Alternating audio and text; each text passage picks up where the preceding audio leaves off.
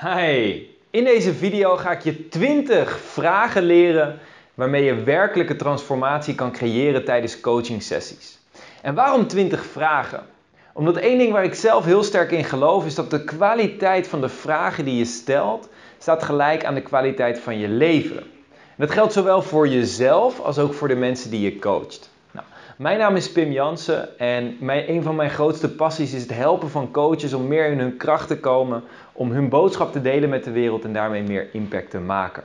En in deze video gaan we dus in op 20 vragen waarvan ik geloof dat ze het verschil maken.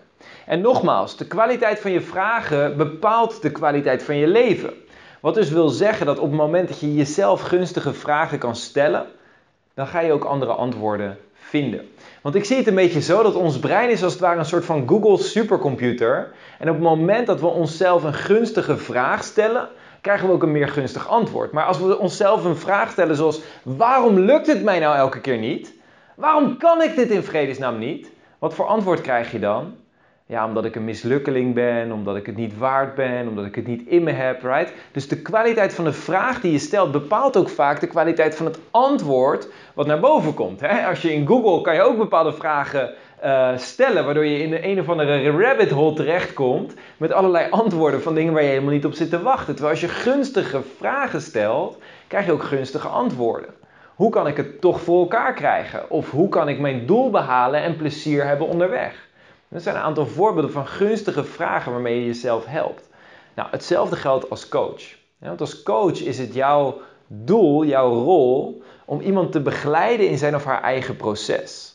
Als coach wil je iemand geen antwoorden geven, maar juist vragen stellen. Zodat iemand zelf de hulpbronnen die in hem of haar aanwezig zijn, kan aanwakkeren. Dus laten we de 20 vragen eens gaan behandelen. De eerste vraag is een hele simpele vraag. En dat is: wat wil je wel? Waarom deze vraag? Omdat de meeste mensen over het algemeen vastzitten in juist wat ze niet willen. De meeste mensen zijn vooral gemotiveerd door waar ze van weg willen. Van alle problemen die ze keer op keer ervaren. En voor heel veel mensen is het alleen al een openbaring om gewoon eens bezig te gaan met wat wil je eigenlijk wel. Suggestie trouwens voor tussendoor.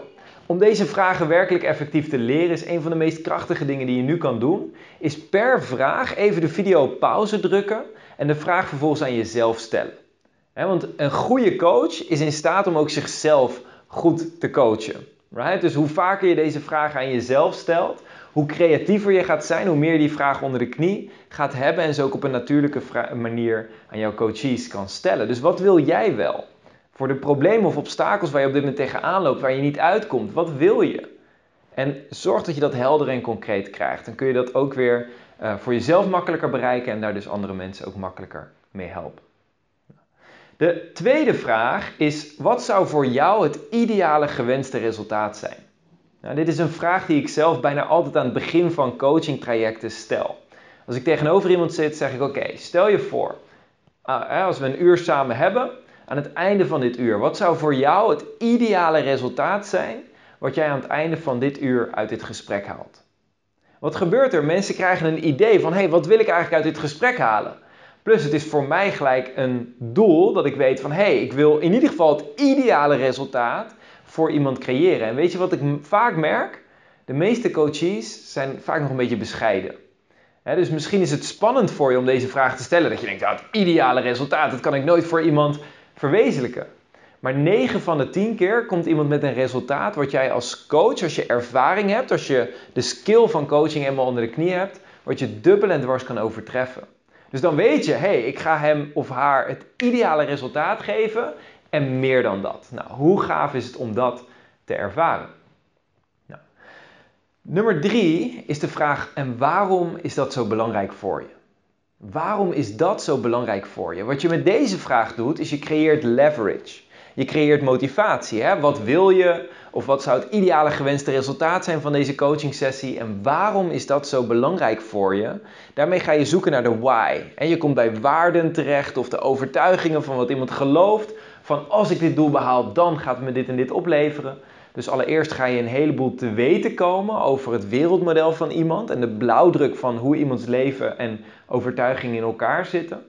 Daarnaast gaat het je heel erg opleveren dat je gewoon meer motivatie creëert. Want hoe meer iemand motivatie creëert over zijn of haar dromen en doelen, hoe groter die leverage wordt en hoe groter de kans ook is dat iemand ook echt gaat veranderen. Ze zeggen wel eens, als de waarom eenmaal groot genoeg is, dan komt de hoe vanzelf. Dus wanneer iemand voldoende motivatie voelt, dan gaat iemand vanzelf wel stappen ondernemen. We hebben allemaal wel zo'n moment gehad dat we zoveel vuur in onszelf voelden, dat we dachten, oké, nu is het klaar.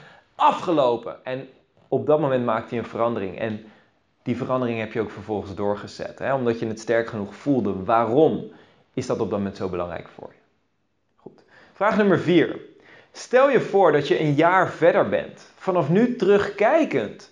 Hoe heb je dit eigenlijk voor elkaar gekregen? Dit is een future pace noemen we dit. En een future pace wil eigenlijk zeggen dat je dus de toekomst instapt en vanaf dat moment terug gaat kijken naar hoe heb je dat voor elkaar gekregen. Kijk, ik zie het altijd zo voor me dat een van jouw taken als coach is iemand komt bij je en heeft een bepaald doel of een bepaald probleem. En als je dat als balletje voor je ziet, dan is iemand gewend om daar altijd op een bepaalde manier naar te kijken. En wat je hiermee doet, is je verplaatst de perceptie van iemand. Je zegt in plaats van dat je er nu zo naar kijkt, als je dat doel nou eenmaal behaald hebt en je kijkt er nou eens zo naar, ja, hoe is het dan anders? En wat heb je dan gedaan om dat doel voor elkaar te krijgen? En omdat iemand letterlijk van perceptie moet wisselen, eigenlijk een andere vraag aan zijn of haar Google supercomputer kan stellen, komt er ineens nieuw inzicht. En als iemand altijd gewend is om op één manier naar het probleem te kijken, dan heeft hij ook altijd maar één perspectief gezien. Maar nu vanaf een andere kant, vanaf hey, een jaar verder, terugkijkend, zie je ineens hele andere informatie en ga je ineens hele andere realisaties krijgen. dus opnieuw, deze vragen. zet de video even op pauze en stel de vraag aan jezelf voor een doel wat jij hebt, zodat je het gevoel en het effect van deze vraag ook echt voor jezelf kan merken. Nou, gaan we naar de volgende vraag. Nummer 5, een hele leuke vraag. En dat is een hele simpele vraag. En wat als je het wel zou weten? Dus de vijfde vraag, en wat als je het wel zou weten? En dit vind ik zo'n mooie vraag. Het is eigenlijk hilarisch, te gek voor woorden eigenlijk. Zo vaak tijdens een coaching sessie dat iemand zegt, ja, ik weet het niet. Of ik zou het eigenlijk niet weten. En als je dan de vraag stelt, en wat als je het wel zou weten? het is zo vaak dat mensen dan zeggen, ja, dan zou het dit en dit zijn dan zou dit en dit het antwoord zijn. En 9 van de 10 keer klopt dat antwoord ook.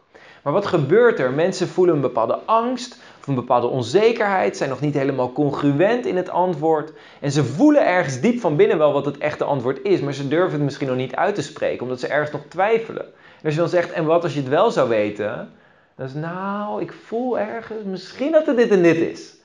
En heel vaak is dat het ook, maar durft iemand het nog niet aan zichzelf toe te geven? Dus dit is een vraag waardoor je heel vaak toch op een mooi antwoord komt. Nou, in sommige gevallen weet iemand het echt niet. Hè? Als je vraagt wat is 365 gedeeld door de wortel van 524, ja, geen idee. Right?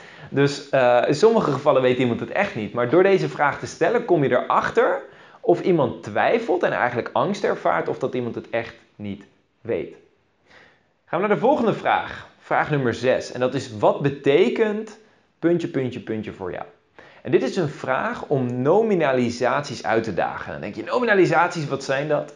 Als je al ervaring hebt met NLP, neurolinguistisch programmeren, dan weet je waar ik het over heb. Nominalisaties zijn van die vage werkwoorden, bijvoorbeeld om onze emoties te omschrijven of om onze waarden in het leven te omschrijven, zoals bijvoorbeeld zelfverzekerdheid of zelfvertrouwen of liefde of verbinding of rust of acceptatie of succes of overvloed. Nou, het zijn allemaal prachtige, of samenwerking. Het zijn allemaal prachtige woorden.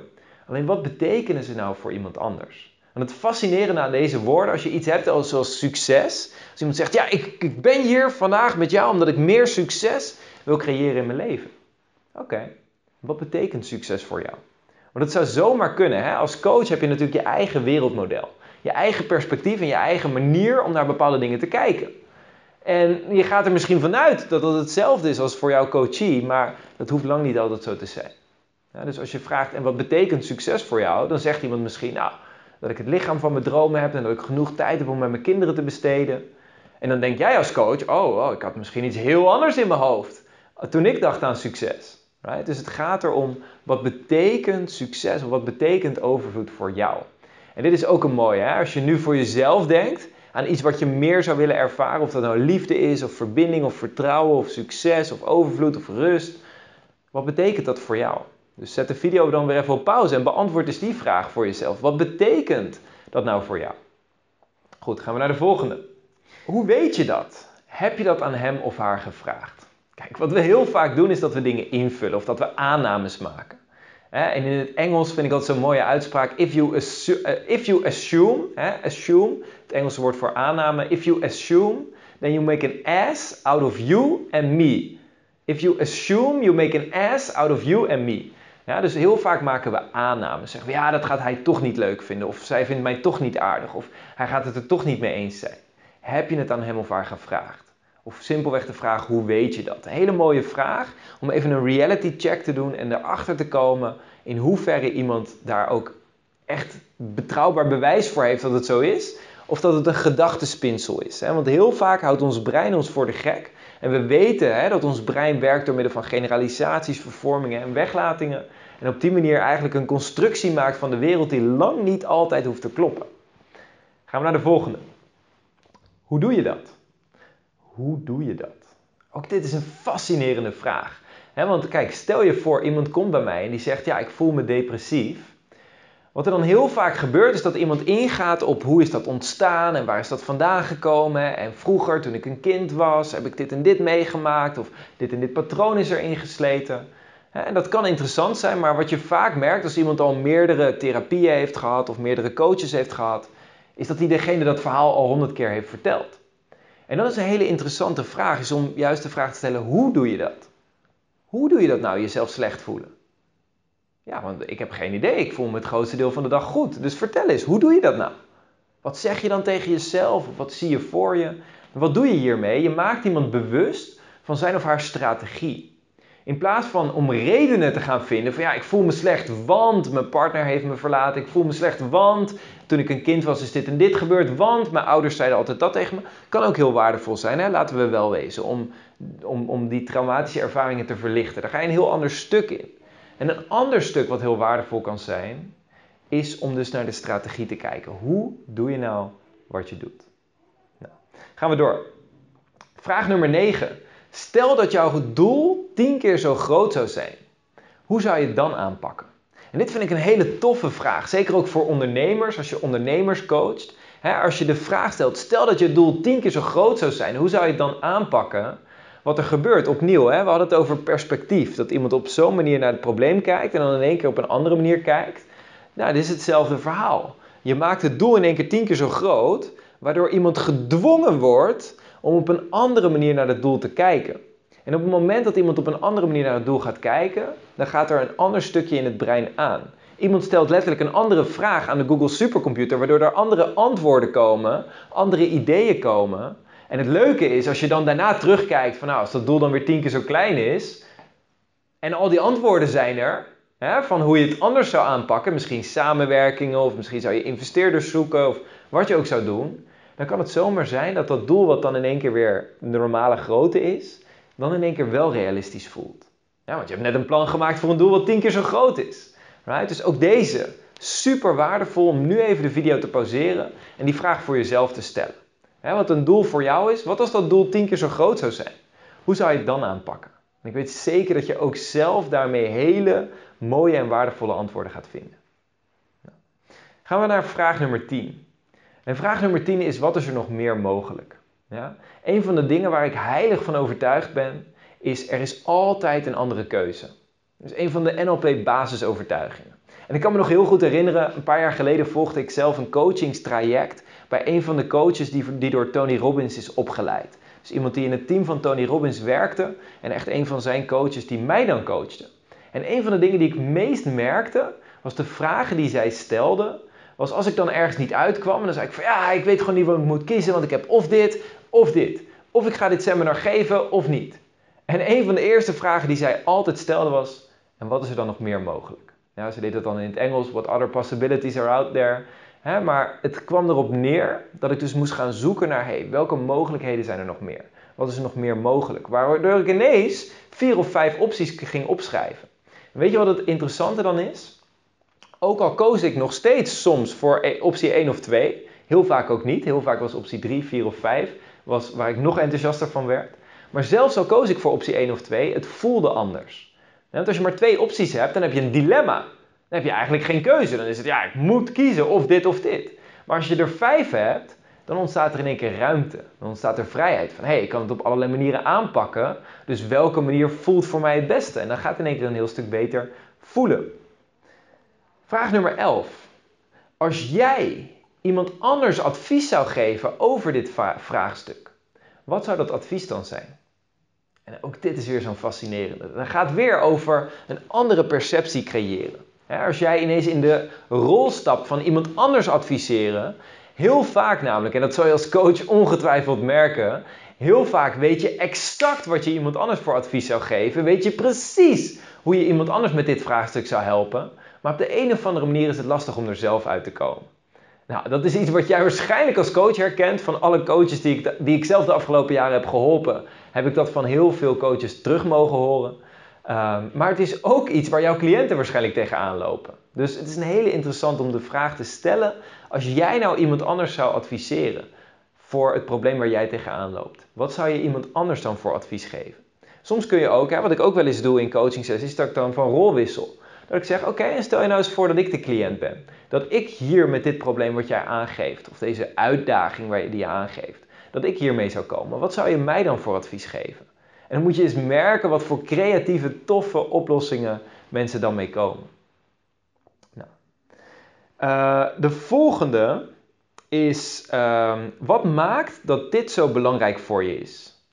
Nou, die hebben we al in een iets andere context gehad, hè? in de context van je doel om leverage te creëren. Maar je zou hem eventueel ook kunnen stellen voor het obstakel waar iemand tegenaan loopt. Dus wat maakt dat het obstakel zo belangrijk voor je is? Of wat maakt dat succes zo belangrijk voor je is? Dus het is een mooie vraag om erachter te komen wat iemands waarden zijn die achter datgene liggen wat iemand zegt. Dus wat iemand ook zegt, als je de vraag stelt en wat maakt dat dit zo belangrijk voor je is, dan kom je net even wat dieper tot de kern. Kom je echt bij waarden terecht. Wat is nou hetgene wat voor iemand zo belangrijk is? Dan hebben we vraag nummer 13. En dat is wat houdt je tegen om nu al het doel te bereiken? want iemand komt niet voor niks bij jou. Iemand heeft een bepaald doel, wil ergens naartoe. En soms komt iemand met obstakels naar je toe. Die zegt van, hé, hey, ik voel me depressief of ik heb een burn-out of ik zit in de stress. Kan je me daarmee helpen? Maar soms komt iemand ook met een concreet doel. Ik wil mijn eigen bedrijf starten, of ik wil een nieuwe baan hebben, of ik wil mijn gezondheid verbeteren, of ik wil meer rust ervaren. En dan is de vraag, wat houdt je tegen om nu al dat doel te bereiken? Kan je helpen om die obstakels te identificeren. En daarmee in contact te komen, dat je helder en concreet weet van hé, hey, wat staat er nu in de weg? Zodat je daarmee kan werken en daarmee aan de slag kan gaan om die dingen op te lossen. Nou, dan hebben we het volgende. En dat is wat nummer 14, vraag nummer 14 is: wat wil dit obstakel voor jou bereiken? Nou, dit is een fascinerende vraag. Wat wil dit obstakel voor jou bereiken? Waar je hiermee namelijk naar stuurt, is naar de positieve intentie. ik geloof namelijk, ieder gedrag heeft een positieve intentie. Nou, dit is, dat is zo'n zo, bom aan, hè? Dat is een, een, een, uh, overtuiging. En daar kan ik een uur over praten om je te vertellen waarom dat zo is en wat de gedachte daarvan is en waarom die overtuiging gunstig is vooral. Uh, voor nu mijn ervaring, en ik heb deze vraag honderden keren gesteld, dus je mag ervan uitgaan dat als je deze vraag ook stelt, dat je daar ook bij gaat komen. Wat wil het obstakel voor jou bereiken of wat is de positieve intentie van dit obstakel? Er komt praktisch altijd wel een positieve intentie naar boven.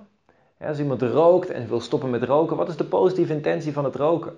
Ja, dan voel ik me rustig. Als ik dan Oh, dan kan ik eindelijk dan kan ik die stress even loslaten en dan voel ik me rustig. Of ah, dan kan ik verbinden met anderen. Dat is een makkelijke manier om contact te maken voor mij. Of dan kan ik eindelijk echt die goede gesprekken met mijn partner hebben. Er is altijd wel een positieve intentie. Wat mensen ook doen. Ook al denk je als coach, nou ik weet niet wat een positieve intentie is.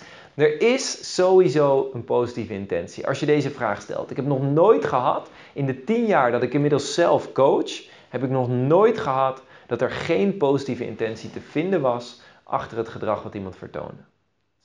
Uh, wanneer begint dit obstakel?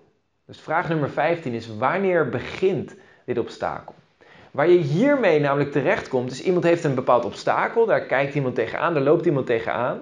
Alleen, als we ervan uitgaan dat dat een bepaalde strategie is, hè, waar, waar we het eerder over hadden, hoe doe je nou wat je doet? Die strategie die heeft een begin. En liefst, hè, ze zeggen wel eens kill the monster when it's a baby.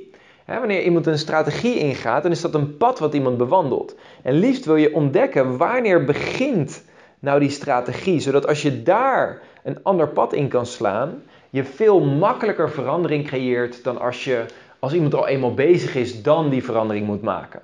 je kent het wel, als je thuis komt, als je eenmaal op de bank ploft en die zak chips erbij pakt en een film aanzet, hoe lastig is het dan om halverwege die film te zeggen: Oké, nu ga ik sporten?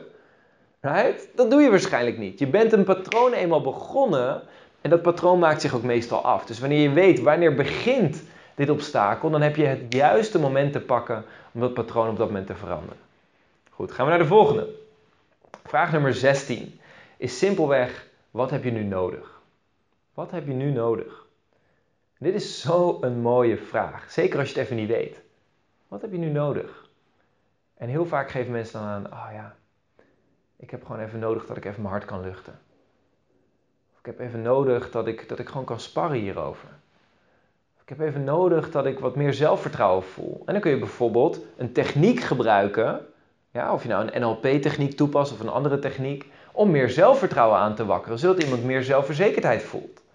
Ja, of als iemand zegt, ik heb meer liefde nodig. Oké, hey, laten we eens bijvoorbeeld naar een moment in je leven gaan in gedachten en visualisatie gebruiken om dat gevoel van liefde voor jou te creëren, zodat je die hulpbron bij jezelf kan aanwakkeren.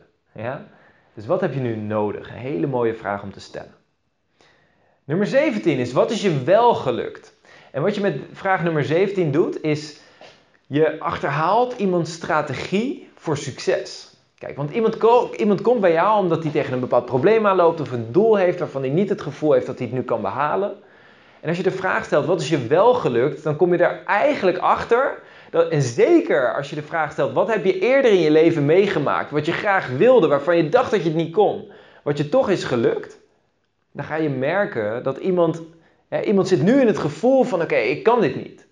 Maar dat gevoel heeft iemand al vaker gehad in zijn of haar leven. En iemand heeft ook al vaker gehad dat het uiteindelijk toch is gelukt.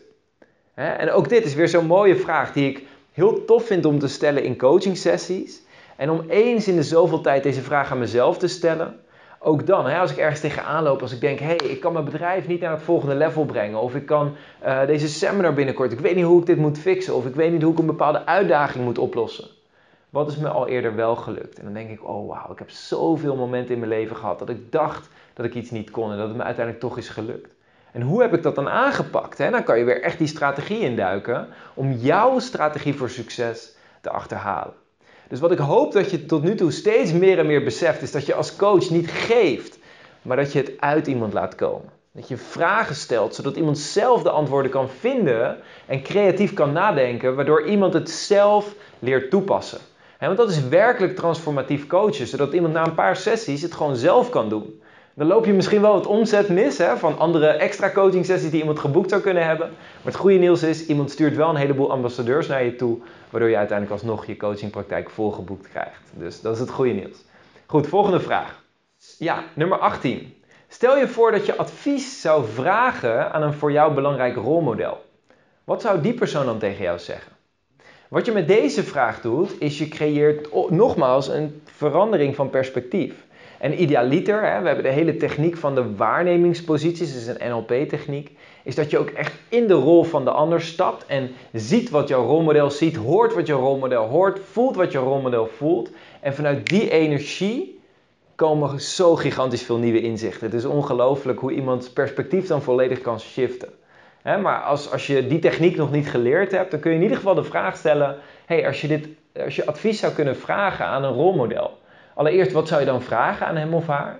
En als tweede, wat zou hij of zij waarschijnlijk tegen jou zeggen? want ons brein is slimmer dan we denken.